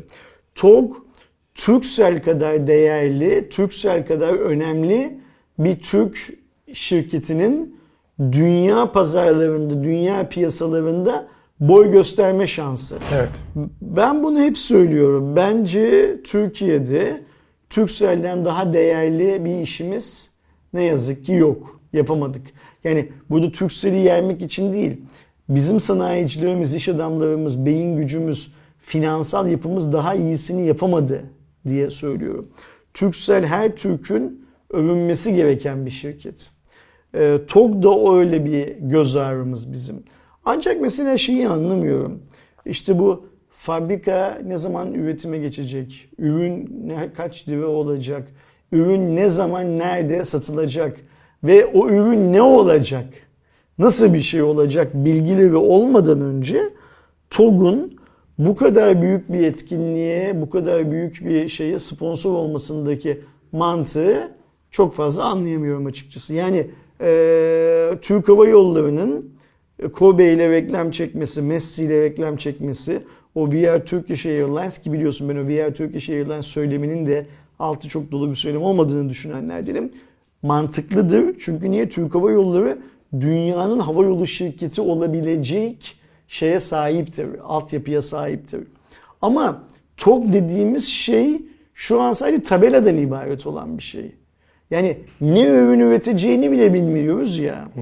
TOG'un kalkıp Messi ile Kobe ile video çekmesi ne kadar mantıksızsa Messi Kobe ayarında bir etkinliğe yani etkinlikler dünyasındaki öyle bir etkinliğe sponsor olması da bana çok şey gelmiyor. Akılcı gelmiyor. Ha şu olursa eğer eyvallah onu göreceğiz. Bu etkinlikte gerçekten çalışan bir TOG modeli sergilenirse Ya o hazırlanıyor olabilir şu anda o Heh. bizim izlediğimiz videolarda. işte. Ve bu bizim artık karar verdiğimiz final denilse. Çünkü bak şöyle bir şey var. Biz yan ayna görmeyecektik. Kamera olacaktı. Bir kısım insan dünyada bu teknolojiyi kullanan otomobil TOG olacak bilmem ne filan filan diye konuştular, yağladılar, balladılar filan. Tırlar kullanıyor şimdi. En son prototipte gördük yani o benim dalga geçtiğim bayramlıklarını giyip şey yaptıkları çıktık fotoğrafta yan aynalar gelmiş. E o zaman yan aynalar geldiyse bu kamera güzellemesi yapan arkadaşlar yani arkadaş dediğim gazetecisi, yayıncısı, vlogger'ı, influencer'ı, politikacısı bilmem nesi falan hepsi yalancı durumuna düştü. TOG bu kadar adamı yalancı durumuna düşürme hakkını nereden buluyor ya? Yani final ürünü orada göstereceklerse bilmiyorum. Ayrıca ben bir iki hafta önce söylemiştim. Final ürüne karar verecek olan insanın da zaten aslında TOG yönetimi olmadığı filan söyleşiyor ya. O işlevi değiştiriyor. Yani şu olursa bizim TOG'umuz bu arkadaşlar. Biz bu TOG'u şu yapacağız. Versiyonları bunlar bunlar olacak. Renkleri şunlar şunlar olacak. Ve bu bu artık olacak. bizim üretime gireceğimiz örnek. Yani fabrikada şalteri indirdiğimiz zaman buradan ham maddeyi vereceğiz. Öbür taraftan bu çıkacak. Bunun kırmızısı, sarısı, pembesi, damalısı bilmem nesi çıkacak diyebilecek duruma geliyorsak eğer o zaman eyvallah. Ama bunların hiçbirisi tabii ki şimdi o pozisyona geldiğin zaman da Türkiye'de kimse sana soramıyor korkusundan ama yurt dışında şeyi soracaklar. Hacı eyvallah da bunu kaça satacaksınız diye soracaklar mesela. Buna verilecek cevabın filan da varsa nerede satacaksınız? Bunun yedek parçalarını kim üretecek? Bunun teknik servisini kim verecek? Dünyanın hangi ülkelerinde hangi gruplarda çalışacaksınız satış ve tedarik anlamında filan filan gibi sorular gelecek. Bu sorulara da verecek cevapları varsa eğer ben Aralık ayını şeyle bekliyorum. Hmm, ne derler? Merakla bekliyorum. Şu sponsorluk açıklansın. Benim hiç sevmediğim, hiç ilgimi çekmeyen bir fuara dört gözle bakayım. TOG oraya sponsor olmuş. Bize Türk halkına vermeye üşendiği verileri, bilgileri filan da tüm dünyayla aynı anda biz fakir Türk halkıyla da paylaşıyor. Ne mutlu bize diyebileyim. Ee, bakalım göreceğiz. Yani bunlar o sponsorluk ve gelecek olan haberlerin zemini mi yapılıyor, atlığı mı yapılıyor? Yoksa e, Türk halkının ağzına bir parmakta bir parmakta bal mı çalınıyor? Onun ne olduğunu görüyor. Bu arada şöyle bir şey var. Ben geçen hafta otomobil yayıncılığı yapan 4 tane 5 tane tanıdığım insanla konuştum TOG konusunda. E, Hepsi benim çok karamsar olduğu bu. aslında sürecin çok çok iyi işlediğini ve kendilerinin bağlantıları sayesinde içeriden aldıkları bilgilerin benim söylediğim şeylerden çok çok daha pembe bir tablo oluşturduğunu söylüyorlar. Onu da şey yapayım ne derler belirteyim.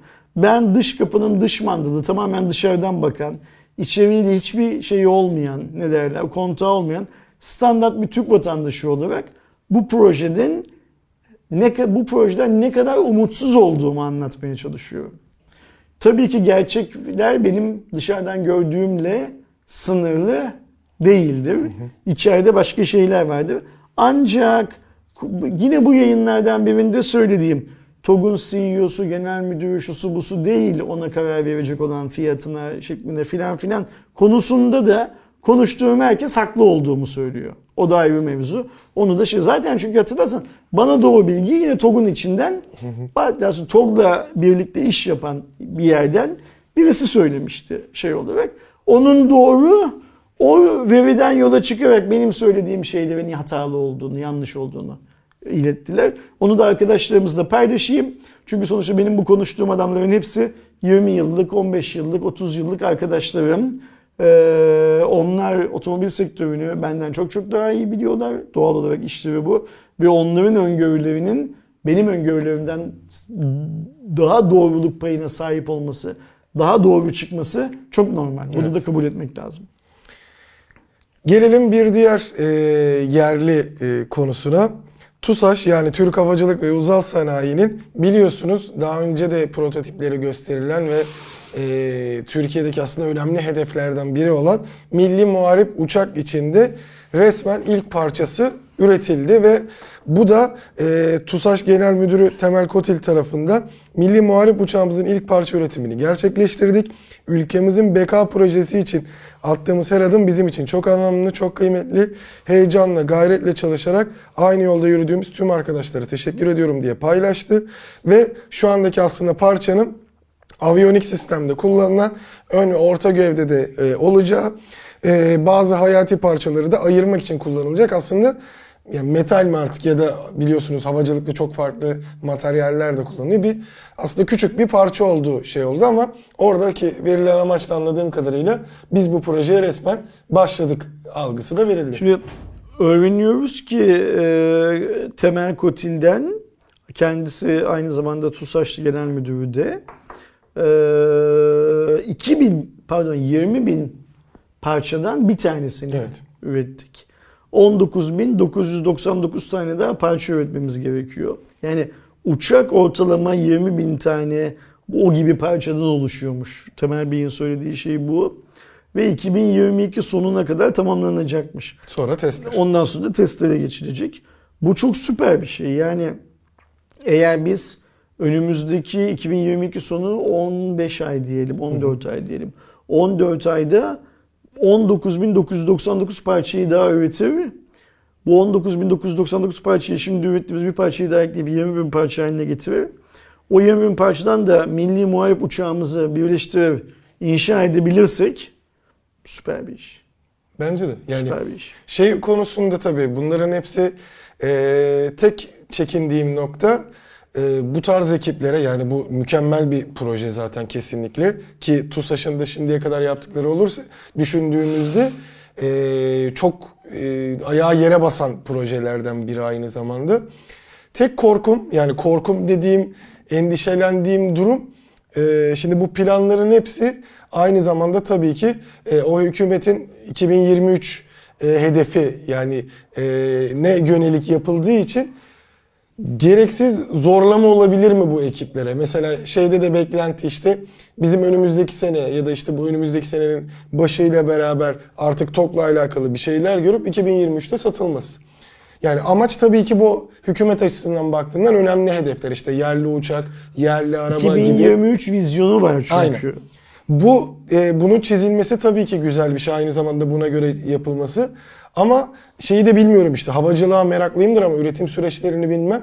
Bir senelik süreç yetişmesi açısından şey olursa ta yıllar önce yaşadığımız işte o devrimdeki hatalar olmasın isterim. Acelesi olması açısından. Bir ayda üretilsin işte bir yılda üretilsin durumu. Yani e, 2023 vizyonu olsun ama bu ertelenebilen de şey olsun. Mesela bu uçak hazır değilse 2024'te görelim. İşte araba da öyle olabilir vesaire gibi bir tek korkum orada var. Ama tabii ki eğer e, bilenler vardır, e, uçak mühendisi olan arkadaşlar vardır. Lütfen onlar Yo da eminim ben bizim şeyimizde izleyenlerimiz arasında bu projede çalışan arkadaşlarımız Heh, Onlar da olabilir. Hani bunun e, süreç olarak bir yılda hazırlanması ki yani Temel Kotil de zaten yıllardır olan biri. O da tabii ki çok da boş atacağını sanmıyorum şey yaparak. Bir yıl yeterli bir süreyse şeyi biliyorum. Hani 2023'te hazırsa 3 yılda nasıl göklerde oluyor hazır proje. Şey kısmının çok uzun sürdüğünü biliyorum. Test uçuşları, onay alma süreçleri falan filan. Orası ayrı. Ama bir senede üretilmesi eğer e, mantıklı ve olabilecek bir şeyse ne mutlu. Aynen öyle. Devam ediyorum o zaman. Gelelim yine e, belli bir süredir konuşmadığımız e, Covid-19 ile alakalı ilaç geliştirmeleri. Bu habere geçmeden önce bu haberi bizimle e, fanatik takipçilerimizden Eray Okan'ın paylaştığında özellikle şey yapalım ne derler. Dün akşam paylaştı bizimle. Ee, Sağ olsun. Sabah paylaştı daha doğrusu. Kendisine de teşekkür edelim bu Evet. haberi paylaştığı için. Çok sağ olsun Eray. Ee, biliyorsunuz zaten daha öncesinde de konuşuyorduk. Aşı çalışmalarından ziyade işte ilaç çalışmaları da var. Hap içinde vardı, farklı farklı çalışmalar var. Türkiye'de de spreyle falan çalışmalar e, yapılıyordu. Ee, ilk resmi adım Birleşik Krallık'tan yani namı diğer İngiltere'den geldi. Ee, orada geliştirilen Molnupiravir, Molnupiravir adındaki ilaç Doğru mu söyledim? Ya şuna Viagra, Viagra diye kolay bir isim koysanıza yani. Hani Sonra- gittiğin zaman eczaneye alması söylemesi kolay olsun. sonradan illaki değiştirirler. Allah Allah Allah. Söyleyene kadar zaten orada şeyde Covid geçiririz. ee, ilk hap e, antiviral olarak e, onayını aldı İngiltere'den. Ki zaten e, birçok konuda olduğu gibi bir Amerika'daki FDA bir de İngiltere'deki kurum genellikle bu konularda e, hem çok araştırar hem de orada aldıktan sonra artık o dalga dalga yayıldığını görürüz. E, Meken e, Ridbeck tarafından e, geliştirildi ve şu anda e, şartlı şekilde yetki verilmesi artık genel kullanıma yakın olduğunu ve en azından haplarla rahatlıkla desteklenebileceği ama bu şey değil bu arada siz geçirdiğinizde aldığınız haplardan değil aşı yerine de kullanılabilecek önleyici haplardan biri. Ayrıca Covid-19'u başarılı şekilde tedavi ettiği de söyleniyor. Yani e, Covid-19'a yakalanan insanları da ben tedavi edecek diye anlıyorum Aynen. bu hapları. Yani hem koruma hem tedaviye sanki şey yapacak. Güzel bir gelişme. Yani olacak tabii ki bunlar. Bu iş fitile kadar gider. Aşıyla başladı. Hap işte e, bebek maması, fitil bilmem ne filan filan. Her şeye gider. En sonunda şey olur ne derler? Covid'den koruyan gözlük. Maden suyu falan. Maden suyu, gözlük. Ondan sonra güneş gözlüğü tabii ki şey olarak. Yani krem, Aynen. krem çok önemli. Krem falan devam eder yani. Duyacağız bunların hepsini. Kesinlikle. Ama en azından hap konusundaki bu çalışmalar şey bakalım özellikle şartlı onaydan sonra etkisi daha net bir şekilde görülmeye başlayacak ve en azından ben şeye seviniyorum bu tarz durumlarda. Belki bazı e, aşı karşıtlığı düşünceye hala devam eden insanların sebeplerinden biri aşıdan korkuysa belki hapı tercih edebilirler. Hani onunla aslında hapla çip koymak daha kolay bir iş aslında da Bu hap hikayesinin en benim azından eminim şu an çıkabilir. Türkiye'de de çalışmaları yapılıyordu zaten. Belki biz en azından ben bilmiyorum. İzleyicilerimiz arasında bilenler var mı ama ya Türkiye'de mutlaka bir hap, bir şurup filan bir şey çalışmaları yapılıyordur şu anda. Öyle En tahmin belki ediyorum. biz de ilerleyen dönemlerde duyarız e, bizim taraftan da yapılan çalışmaların, onayların ya da neler olduğuna dair. Yine teknolojiye döndürdüğümüzde e, General Mobile'ın artık eski tabii yakın zamanda zaten o da e, açıklamıştı bıraktığını. E, genel müdürüydü değil mi Muzaffer Bey? Muzaffer Gölcü'nün e, tarafından onun aynı iş arkadaşları ve ortakları tarafından kullanılan yeni bir markamız var Omix diye.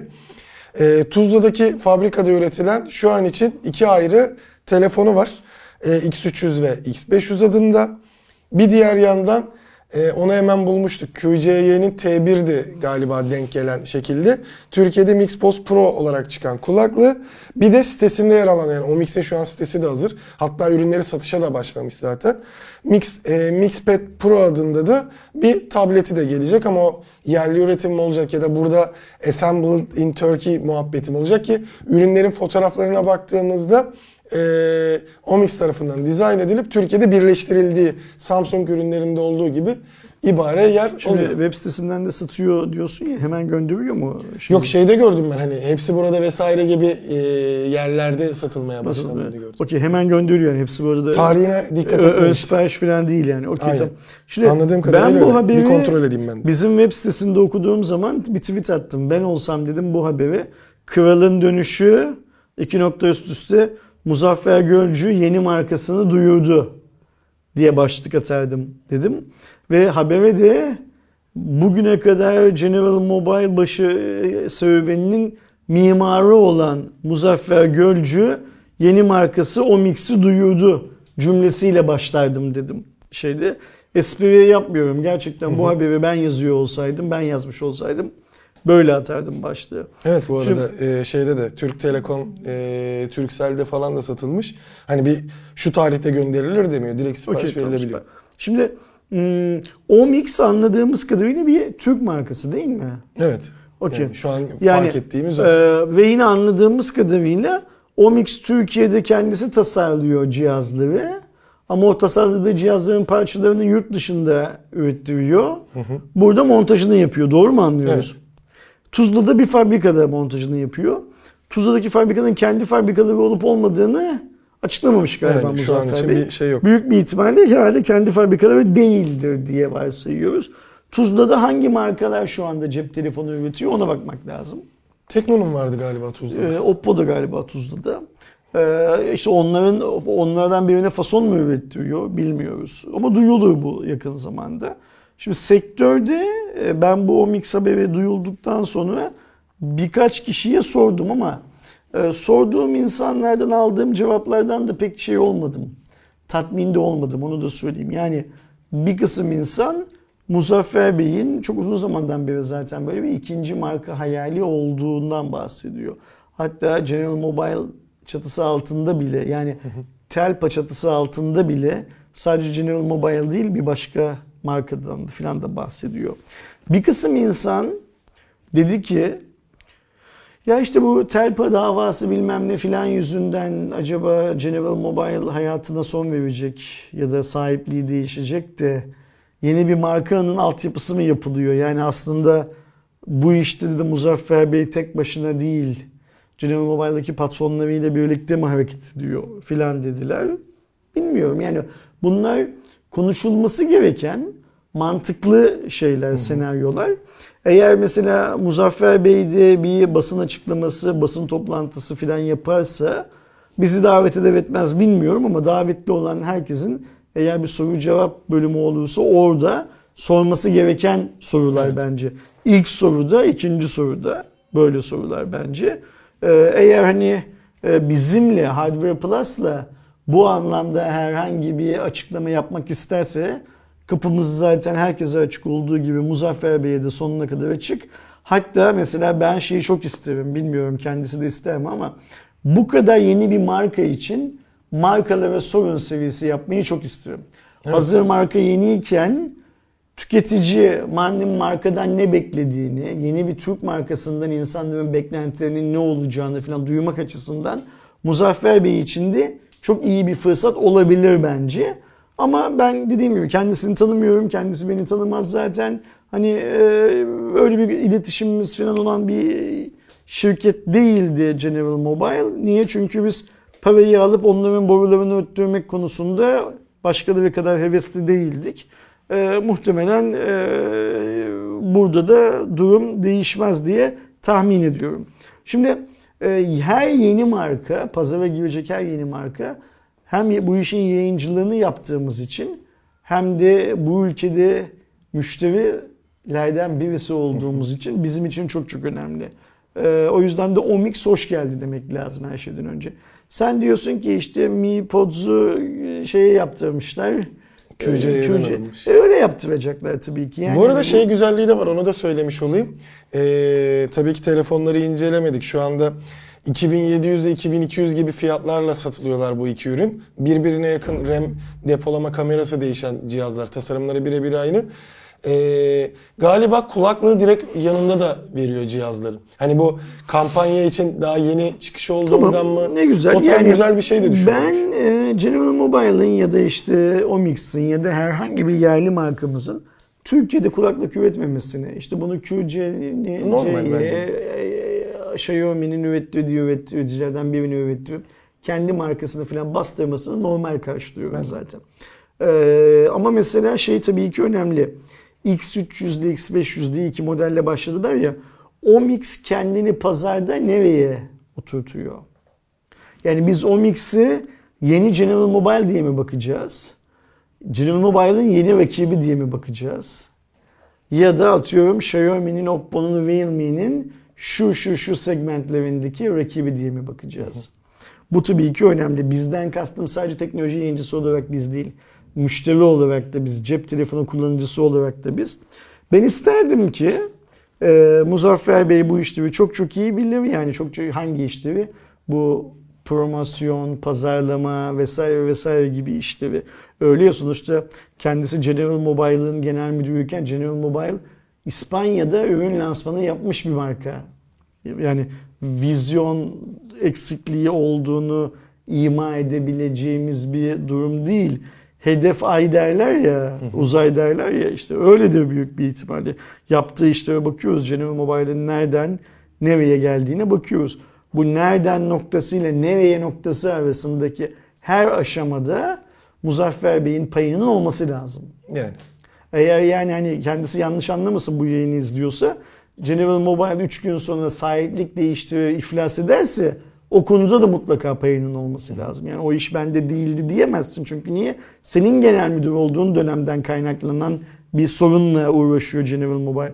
Tıpkı senin genel müdür olduğun dönemde yükseldiği bir ara Türkiye'nin en sevilen markalarından birisi olduğu, bizim konuşmaya layık bulduğumuz, insanların ürünlerini almayı hedefledikleri bir marka olduğu gibi.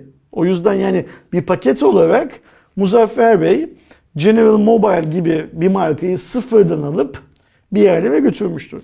Ben yanlış hatırlamıyorsam kendisiyle bir kere tanıştım. General Mobile markasının ilk lansmanı olan Bebek'te Teps'in üst katında yapılan ve o zaman General Mobile'ın dünyanın Türkiye'nin ilk çift hatlı cep telefonu şeyiyle e, söylemiyle piyasaya çıkarttı. Akıllı olmayan telefonları oldu ve o zamanlarda hmm, Telpa değildi. Gençsel. Okey.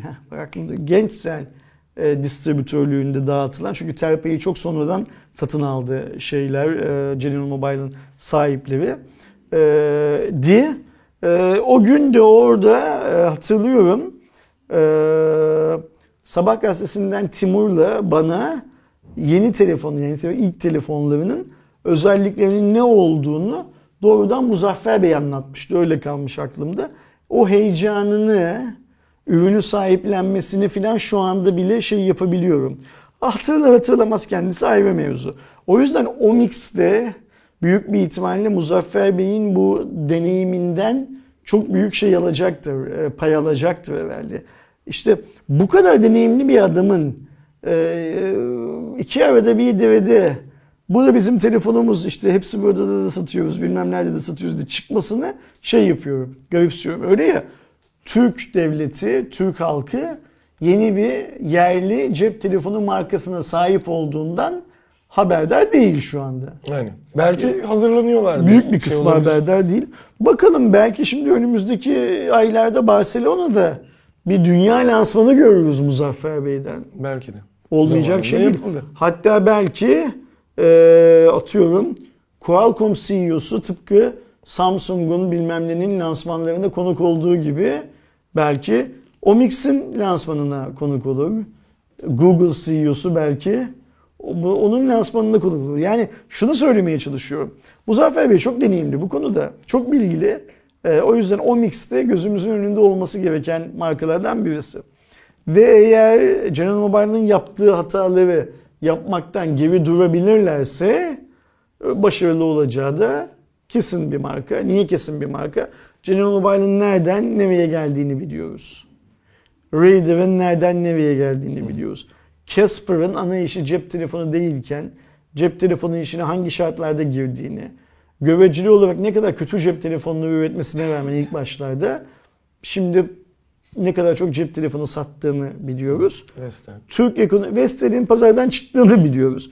Türk ekonomisinin durumunun da bu markalara imkan tanıdığını görüyoruz. O yüzden Muzaffer Bey bu fırsatı büyük bir ihtimalle Omix'le çok iyi değerlendirecektir. Bizim de gözümüz üzerlerinde olsun. Eğer fırsat bulur bir iki modellerini inceleyebilirsek filan biz de ne menem telefonlar ürettiklerini anlıyor.